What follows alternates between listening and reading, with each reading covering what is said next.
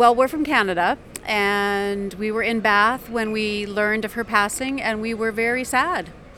Yeah. We were very sad. We are um, very much uh, in favor of the crown and have enjoyed watching um, the Queen all the year, all these years, and all her her family and uh, grandchildren and everybody growing up. So very saddened, very saddened. Have people in Canada a close connection to the Queen?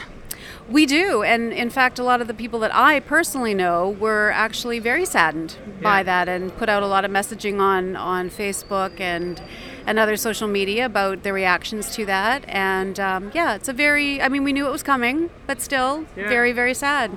How do you pay your respect on the day of the funeral, Monday? Well, I think we're going to be in Italy when that happens, um, so we will certainly try to uh, tune into some of the um, activities that are happening and and uh, whatnot. But um, I think just even just our own personal way of, of acknowledging the incredible work that she did all these years and just such an amazing amazing woman. It's it's a real loss.